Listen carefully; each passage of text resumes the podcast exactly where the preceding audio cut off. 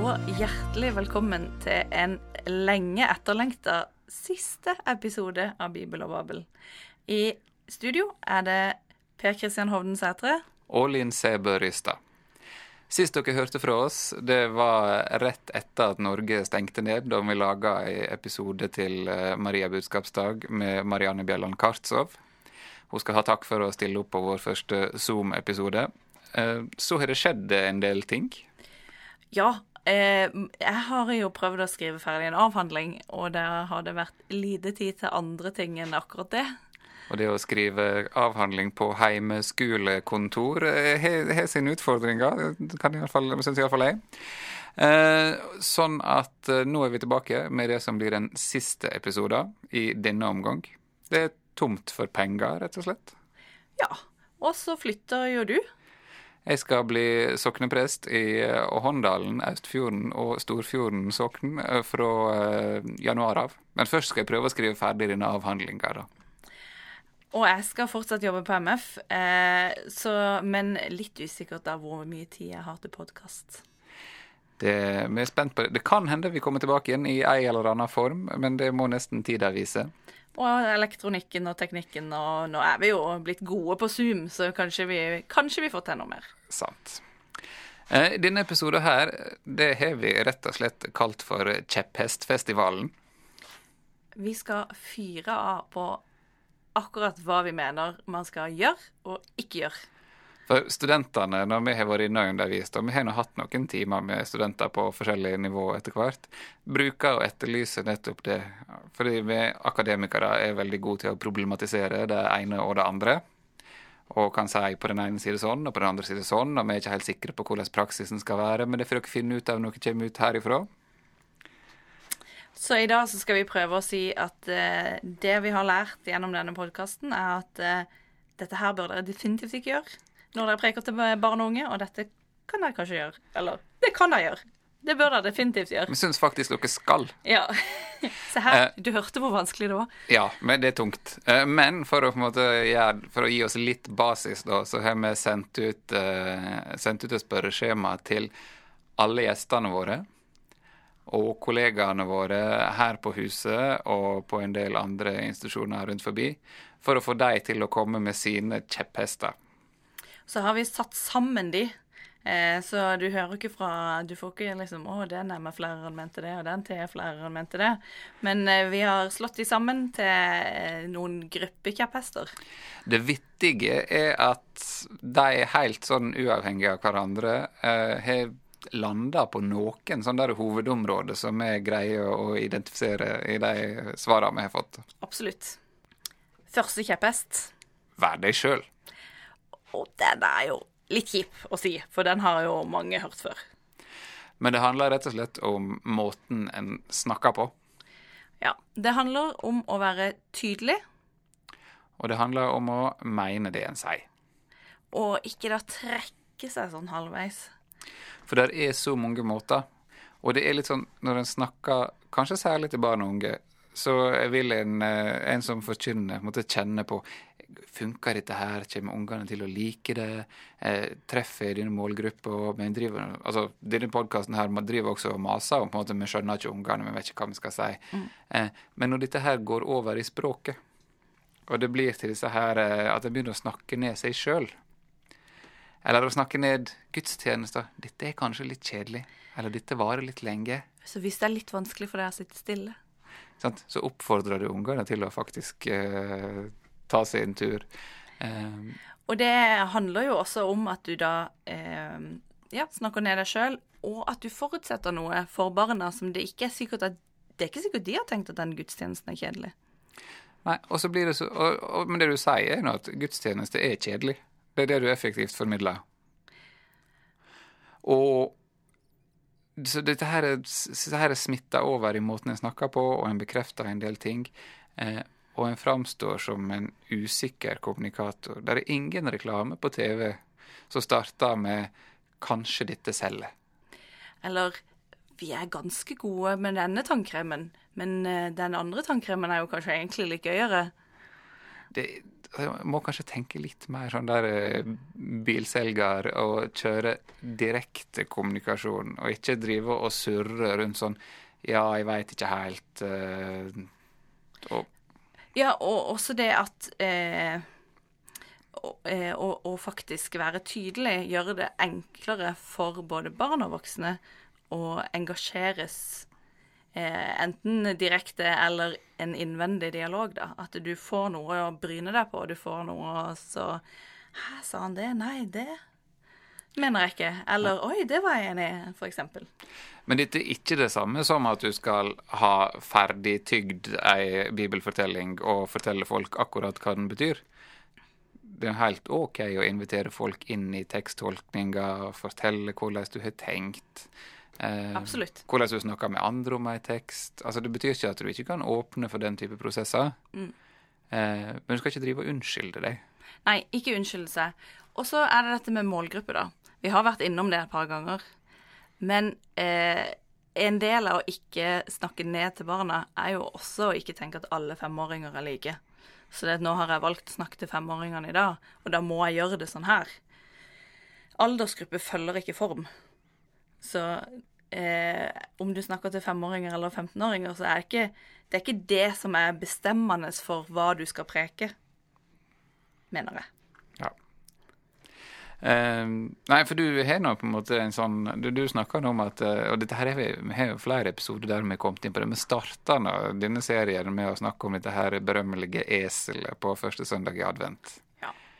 Uh, og da kommer du ganske nært, Linn, og sier at en trenger ikke å ha drama på den søndagen. Hva mener du om drama? Altså, drama er fint hvis du syns det er gøy med drama. Men hvis du egentlig ikke liker drama, eh, hvis, du ikke syns, eh, hvis ikke du syns du får det til, hvis du blir stressa av det, så er det ikke sånn at fordi at du skal snakke til barn, så må du ha drama. Det, det, er, ikke, det er, ikke, noe sånn eh, korrelasjon imellom det. Du, du, du må ikke. Nei. Og du må ikke ha med en ting heller. Selv om vi har da ofte lært at eh, med barn de følger ikke så godt med, så da må vi gjøre sånn, og så da må vi gjøre sånn. Eh, og det kan være riktig. Hvis du er veldig glad i å lage drama, så lag gjerne drama. Men, eh, men, gjør det du syns er gøy, da. Og at det er ikke For det, det ligger vel også i dette at du har ikke automatisk begått god formidling hvis du har hatt drama. Nei, det har du ikke. Du har ikke fortalt noe hvis du har leka esel, men du kan ha gjort det. Ja. Det er ikke noe automatikk i det, det er veldig riktig. Uh, og uh, igjen så går det på at um, hvordan du preker, har jo også noe å si for hva du sier. Hva du sier og hvor det Altså form og innhold henger sammen.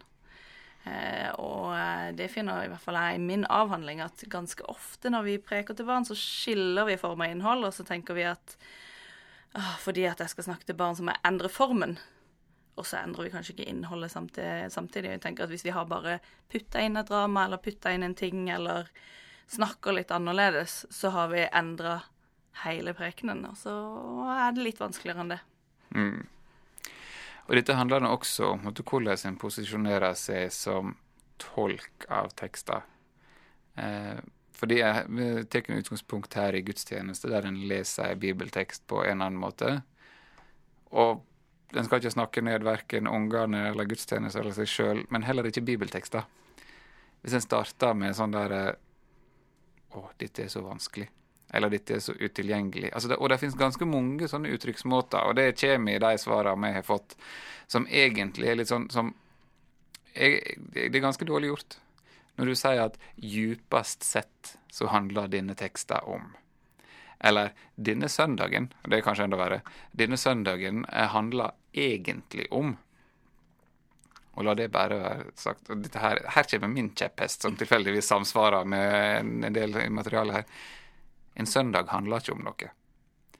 Eh, folk bryr ikke seg om hva søndag det er i kirkeåret. Folk bryr ikke seg om hva liturgisk farge det er. Folk bryr ikke seg om alle disse her greiene som en skriver om i tekstgjennomganger og sånn prestene sitt uh, metamateriale. Det er bra å ha for den som forbereder seg, å vite hva søndag det er i kirkeåret. Det er bra å, eh, og det er bra å vite hvorfor dette her har den liturgiske fargen og disse tinga her. Men når en skal formidle en tekst, så må du ta den, da. Og så må du være direkte, og så ikke surre om at det finnes en eller annen egentlig mening som bare jeg som den opplyste tolken her har tilgang på, mens dere andre skal bare motta dette her. Det er, det er egentlig en ganske hierarkisk måte å snakke på. Nå kommer disse her djupest sett og egentlig og Men nå, eh, vi har en ting til vi skal snakke om før vi går over på tekstene, Per Kristian. Det skal vi. For en ting som vi fikk innspill om, det var å ha den ene setninga som eh, den som skrev inn, kalte det. Og det er å ta høyde for at ikke alle har de samme erfaringene i preken. Sånn at du sier eh, At ikke du sier eh, Ja, eh, sånn, sånn, som vi, sånn som vi opplevde da vi var barn, f.eks., og så idylliserer en eller annen slags veldig fin barndom. At du da tar høyde for at det er ikke sikkert alle hadde en sånn barndom. Eh, For å redde, på en måte redde i anførselstegn de opplevelsene som er utenfor denne her idylliserte som du presenterer, da. Nå kan man jo si at man bør ikke presentere sånn idylliserte greier i utgangspunktet. Eh, og den, den, eh, den ene setninga der, da, er jeg egentlig veldig for, og så er jeg samtidig litt mot. eh, fordi at du faktisk ikke Du klarer ikke å redde inn alle uansett. Og så betyr jo ikke det at du ikke skal prøve å redde inn noen. Men jeg er litt ambivalent til den, da. Men det blir en litt sånn Altså hvis en skal unngå disse her alle barn har det sånn, eller alle mennesker har det sånn du skal på en måte må, En må tenke igjennom hva en sier om tilhørerne sine, og på en måte la være å definere følelsene til de som hører på. Ja, og lære å definere vi alle som Ja. Ja, for vi-forma er litt klam, for hvis en, hvis en bruker den, så risikerer en veldig fort å på en måte si noe om tilhøreren som en kanskje ikke kjenner seg igjen i. Og da er jo en løsning å bruke flere førstepersonspronomen og si 'jeg og meg' og 'jeg har opplevd'. Eh, samtidig som det å snakke om seg sjøl på den måten, eller noen andre enn jeg har hørt eh, referere til noen andre, eh, kan også bli litt totalt, hvis du på en måte ikke slipper inn med den ene setninga, f.eks. At ikke alle har det sånn, eller noen har opplevd andre ting. Eh, og det er nå en sånn språklig måte å slippe til andre erfaringer på. Ja, og, og så, så derfor så er jeg egentlig veldig for. Eh, og så samtidig så eh, sier en av de sterkeste kritikkene i homolitikken eh, mot denne her ven, en vending som kom på 70-tallet, der man skal prøve å se for seg hva lytterne sitter med av erfaring, og så skal en preke ut ifra det. Så sier jo alle, som alle homiletikere etterpå, det kan du ikke forutsette. Du vet ikke hva de sitter med. Men da er jo spørsmålet hvordan får du inn da de forskjellige stemmene. Og da har man jo foreslått forskjellige ting. F.eks. For å ta med menigheten i prekenforberedelsene osv. Så, så det kan jo også være en måte på å få andre stemmer inn i prekenen. At du ikke sitter alene og forbereder. At du har med barn og unge på forberedelse av prekenen. Eller på å holde prekenen. Å slippe til andre stemmer på en eller annen måte. Altså Denne her berømte 'den ene setninga' er én måte å gjøre det på. Ja. Så nevnte du vel også at ved å sitere andre eller fortelle fortellinger om andre, så slipper du med en gang til flere stemmer. Ja, men bare pass på at ikke det er Mandela og Luther hver gang, da. Nei, det kan bli litt ensformig. En kan vel eh, Det var, det var, det, det var litt sarkastisk, men vi holder på med kjepphester her. Ikke sant. Men poenget er å ha flere stemmer, på en eller annen måte skape åpning for at det er ikke alle som har det sånn som jeg sier nå. ja. Uh, at det er viktig. Men da skal vi gå over til å snakke om teksttolkning. Uh, Eh, sier Per Kristian. Ja. Eh, og det vi har snakka aller mest om i denne podkasten, det er å oppfordre mest til, det er å bruke bibeltekster. Ja, og det gjør vi fortsatt. Ja. Vi har vel bare blitt mer overbevist om det, har vi ikke det? Ja. Og det å lese tekster og bruke den for det den er verdt, låne det en kan av bilder, ord, eh, fortellingsstrukturer og sånne ting. Eh, ganske mange av de innspillene vi har fått på mail, handler om ting som dette her. Eh, og det er jo ikke overraskende at det er fra våre nytestamentlige kollegaer vi får flest sånne poeng. F.eks. en advarsel mot uh, lettvinte evangelieharmonier. Ja. Påskas budskap er, eksempel. Ja, ikke sant? Eh, fordi at ganske mange fortellinger eh, om Jesus det jo i flere evangelier. Og så går de mot en sånn der standardversjon, særlig påskefortellinger, julefortellinger, sånne, som låner litt fra det ene evangeliet og låner litt fra det andre evangeliet. Men da går en mot en sånn teologisk tolkning som ligger ganske fast. Og så mister en litt sånn form og farge og nyansene i fortellingene. Og en, eh, en kollega oppfordrer jo f.eks. til at når folk skal forkynne i påska, så bruk Johannestekstene. For altså, Påskefortellinga er jo ganske lik i alle fire evangeliene. Påfallende lik, faktisk, sånn forskningsmessig. Eh, men i Johannes-evangeliet så er den litt spesiell fordi du har oppvekkelsen av Lasarus uh, like før. Du har eh, Josef fra Arimathea, du har Nikodemus, du har så mange, uh, du har Martha og Maria. Det er så mange and Og Peters fortelling, spesielt i Johannes. Så jeg tenker at ja, men OK, la oss bruke disse kapitlene og fokusere på dette evangeliet denne gangen. For å rett og slett spisse, for, spisse formidlinga litt. Og der er det jo også eh, en, en, gjennomgang er jo at mange oppfordrer til flere lignelser, flere fortellinger. Og Johannes-evangeliet eh, er jo narrativt og godt på disse. Ja. Og Johannes-evangeliet er litt utfordrende, for fortellingene er lange. Ja. Eh, og, og, det er jo på en måte litt av det som gjør at en harmoniserer, for at en klipper opp evangeliet i små biter, og det er tekstboka og sånn. Og da får ikke med disse her lange linjene. Men hvem har sagt at de ikke bare takler lange linjer? Nei, men det tar mer tid, da. Ja. Og ungdom, i hvert fall. Ja. Mm. Um, og så er, er, vi nødt til å snakke litt om Jesus. Fortell oss litt om Jesus, Per Kristian. nå skal vi høre om Jesus.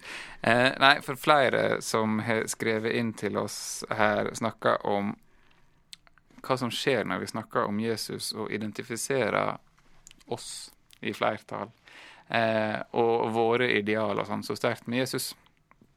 Samtidig som, samtidig som eh, evangelia er konfliktdrevne. Det er jo I alle evangelier så dukker det jo veldig tidlig opp en konflikt mellom Jesus og disse andre. Og den konflikten går jo gjennom evangelia og ender med at Jesus blir drept. Og da er det jo forskjellige Evangeliet er ikke entydige på hvorfor Jesus må dø. Eh, men og, og, det er klart, på én måte så er det kanskje lettere med sånn der eh, det, det, enkle teologiske svaret at Jesus måtte dø fordi Gud hadde bestemt det. Som igjen har en del utfordringer for gudsbildet, jeg sier ikke at det er måte, den beste måten å si det på. Men en formulering som ble dratt fram i de mailene vi fikk, var jo Jesus måtte dø fordi budskapet hans om kjærlighet ble for radikalt for hans samtid. Og hvis du da sier, står der og sier at Jesus eh, ble drept fordi at en ikke ville at fordi en var mot at en skulle elske nesten sin som seg sjøl Da har du vel bomma litt? Da har du bomma litt, og du har sagt noe ganske grovt om Jesus samtid. Du har sagt noe om jødene i Jesus samtid. Eh, og også om jødene i vår samtid. Sånn at eh, der blir det et sånt antisemittisk potensial hvis en framhever Jesus som etisk unik. Hvis han står for disse her, ja, for kjærlighet og den gode etikken, og at det er det som er problematisk. Og Da må du tegne et sånn mørkt, mørkt bakteppe som da blir jødedommen. Og da blir denne konflikten i Jesusfortellingene blir antisemittisk. Og stegger du ikke Jesus bitte grann inne òg, da? Altså eh, Jesus er mer enn bare kjærlighet, for eksempel. For hvor ofte bruker en de tekstene der Jesus er vanskelig, der Jesus eh, plukker, der Jesus plukker ikke får frukt på fikentreet og forbanner det, eller der han går amok på tempelplassen? Altså, eller er uhøflig i middagsselskap. Ja, ikke sant? Altså, eller snakker om at dommedag og truer med helvete, og en gjør Jesus så snill, da. Ja, og da er, eh, da er, veien ikke så veldig langt til sånn moralisme om at vi må være sånn som Jesus, og Jesus elsker snille barn. Selv om ingen sier at Jesus elsker snille barn. Nei. Men det at vi skal være som Jesus, og det betyr at vi skal være kjærlige, elske hverandre, elske vår neste det, det, er ikke så vanskelig å se at den koblinga der kan komme, da. Nei. Og så handler dette her om en, altså handler dette her om en annen ting, sant? fordi at en framstiller Jesus som unik og som noe annet enn bakgrunnen sin, og som noe annet enn jødedommen han levde i. Mens hvis du leser Det gamle testamentet, og hvis du leser jødiske tekster så samtidig med Jesus, så er jo det oppsiktsvekkende at Jesus i det han forkynner og det han gjør, han er oppsiktsvekkende lite kontroversiell. Det er ingenting i Fader vår som ikke kunne vært bedt av en annen jøde på samme tid. Og du finner formuleringer som ligner andre plasser. Eh, du skal elske nesten som deg sjøl. Det står jo i Det gamle testamentet. Eh, så hvis vi måtte skal framheve Jesus som unik, så snakker, så snakker, vi også ned Det gamle testamentet og på en måte bekrefter denne her ideen, som er veldig populær og som lever veldig mange plasser, om at Det gamle testamentet har negativ og streng og voldelig Gud. Og der er det også, mm. men bildet er sammensatt. Ja, og, og da får du en sånn ja, eh, GT, og så kommer Jesus og redder alt i Nytestamentet. Mm. Og da har du jo eh, Da tar du ikke GT på alvor. Og vi har jo det med i vår bibel. Det er en like stor og like viktig del av Bibelen som Nytestamentet. Mm. Så for å sette det på spissen, slutt å si at Jesus er unik. Med det mener jeg eh, at Jesus er ifølge evangeliet Jesus unik fordi han er Messias. Eh, og teologisk sett så er det derfor han må dø. Eh, og eh, historisk sett så er han død fordi romerne oppfatter han som en risiko. Eh, men at men at han er Messias altså det, det, det, det, er klart det er teologisk bestemmelse. sant? Så leter vi etter et eller annet konkret, et eller annet i etikken, et eller annet i det han sa som på en måte framprovoserte dette her. Eh, fordi vi skjønner ikke helt politikken og vi skjønner ikke helt teologien og sånn, men på en måte etikken og på en måte Jesus er snill, mm. det forstår vi. Eh, men der er ikke han så unik. Der står han i kontinuitet med lange tradisjoner fra Det gamle testamentet. Eh, så, men dette betyr jo også i neste runde ikke snakk så stygt om Jesus samtidige. Fordi det kan få faktisk politiske konsekvenser for forholdet mellom folk som lever i dag. Mm. Det kan bli rasistisk. Eh, og, eh, men også bruk GT, da. Bruk bredere, bruk flere forskjellige typer tekster. Eh, vær bedre på å vise sammenhengen. Ja. Og da er vi inne på det med hva slags tekster skal vi bruke oftere. For det har vi også spurt eh, disse her eh, kollegaene våre om. Og da var vel den største gruppen av tekster var at veldig mange ville ha med en bredere kvinnegalleri. et bredere kvinnegalleri enn de fleste opp Nå, nå, nå kjenner jeg at vi, vi, sier mye 'vi' og 'de fleste' her, men det får, det får vi bare stå i. Eh, men å ta inn flere kvinner var det ikke noen som sa, en kollega som sa snakk om kvinner som ikke begynner på M i GT? Nei, NT. Ja, ikke sant. Eh, og da må du leite etter Priska og Lydia og Føbe. Du må måtte lese breva, du må lese apostelgjerningene. Det er også en kjepphest. Les apostelgjerningene, folkens. Det er mange gøye fortellinger der som er for lite brukt. Eh, og altså, også kvinner fra GT. Masse GT. Masse sterke sta, sterke sta-damer, var det en kollega som skrev. Ja. Eh, og snakk om Hagar. Eh, bruk de lignelsene til Jesus som har kvinnelige hovedpersoner. Altså, det, det er jo veldig pussig i kjernetekstene at lignelsen om eh, kvinner som fant igjen sølvmynten sin og inviterte til jentefest, eh, den er ikke med på lista. Men den som står før, om den ene sauen under 99 og den fortapte sønnen, et, den sønnen som kom hjem, et som står etterpå, det tar lang tid å endre de der eh, vanene. det gjør det, altså. Eh, den er med. Ja. Men tar med alle lignelsene i Lukas 15. Mm.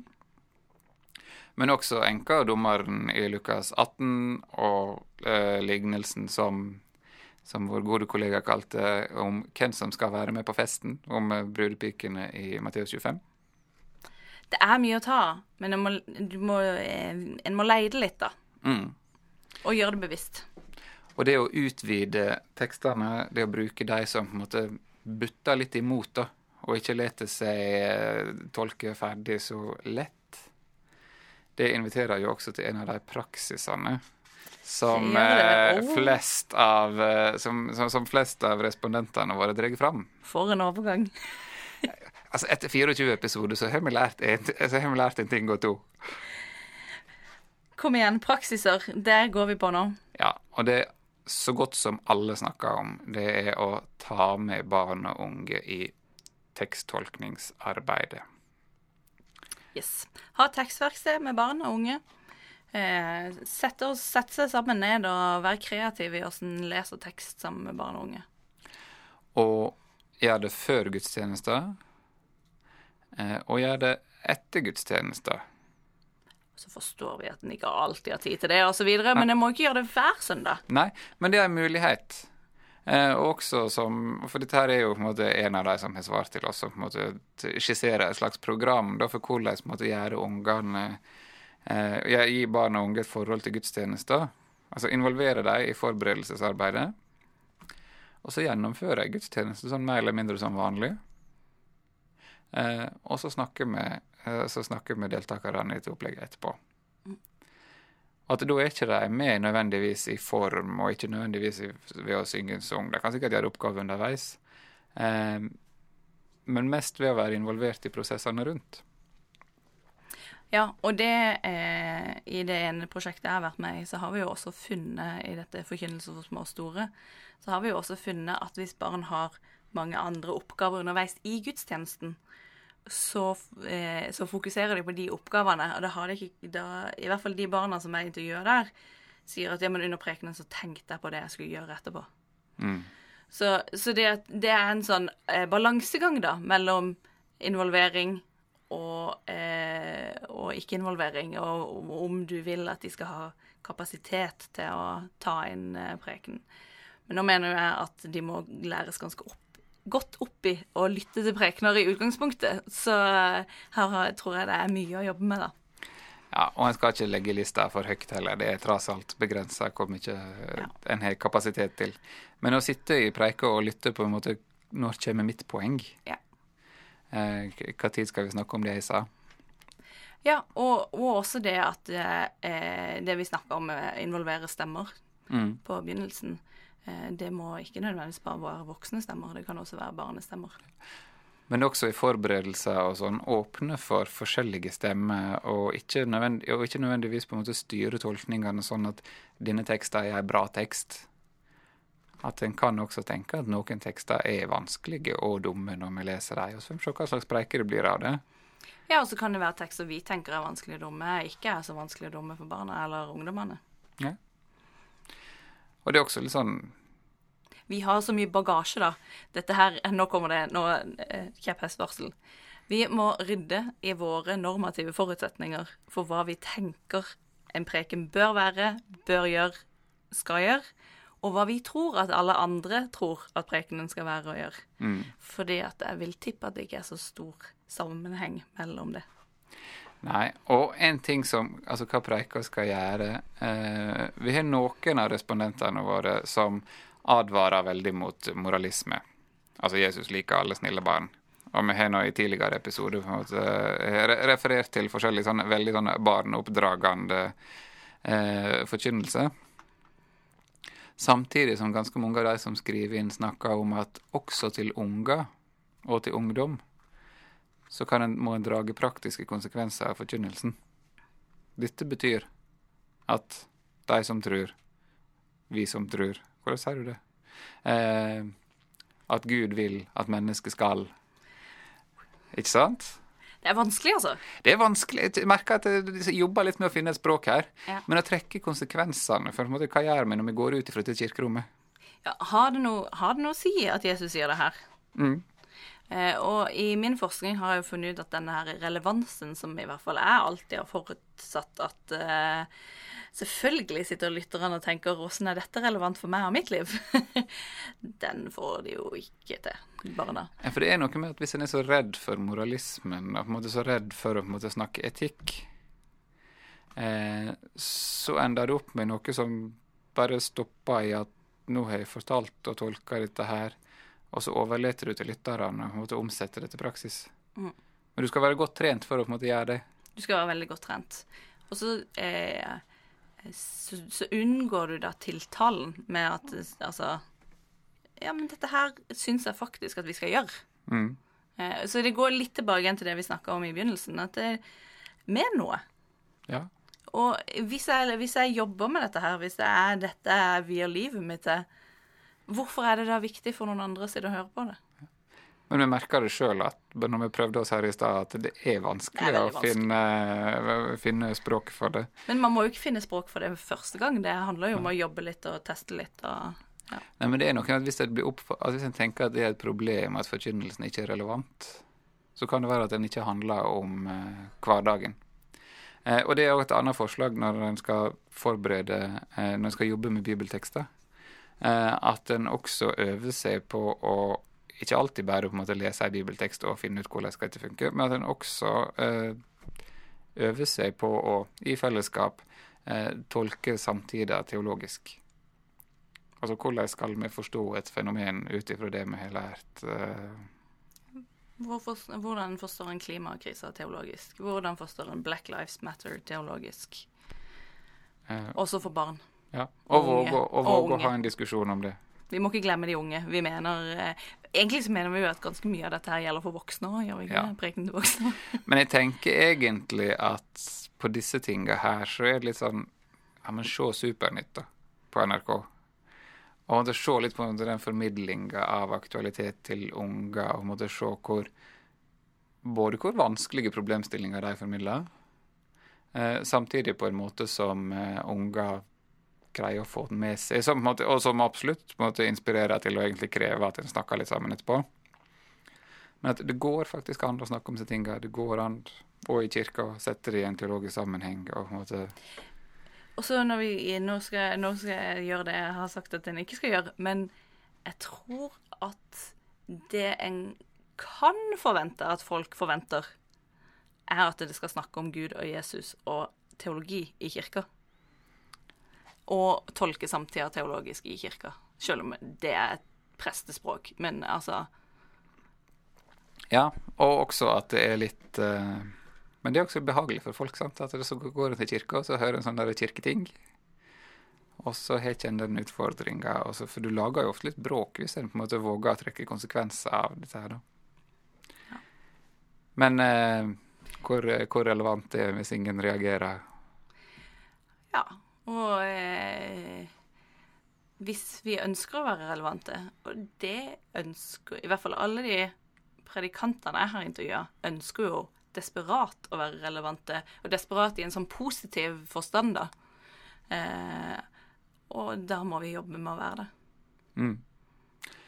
Og det er jo også en del av de som har skrevet e-post til oss. De skriver jo også måtte trekke fram de tekstene som, heit, som handler om kallet av disiplene, som handler om å følge etter Jesus, som handler om å gå ut og gjøre det samme og være en del av disippelflokken. eller Det er kanskje ingen bombe at veldig mange av de som snakker sånn, de jobber på MF, men altså Og enkelte av dem har til og med skrevet bok om temaet.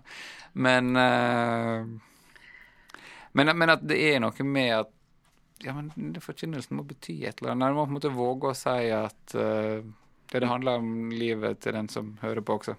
Ja, og det er jo en sånn Dette sier jeg hvis jeg underviser i homiletikk. Det viktigste er at du må ville noe. Du må ha noe å si. Du må ha noe på hjertet. Du må ville noe. Og hvis ikke du vil det, så kan du bare la være. Og så må du våge å si det uten å unnskylde deg, og eh, uten å trekke deg etterpå. Hva du sier Ja, altså, vi oppfordrer vel egentlig til å være litt tøff. Ja. Ja.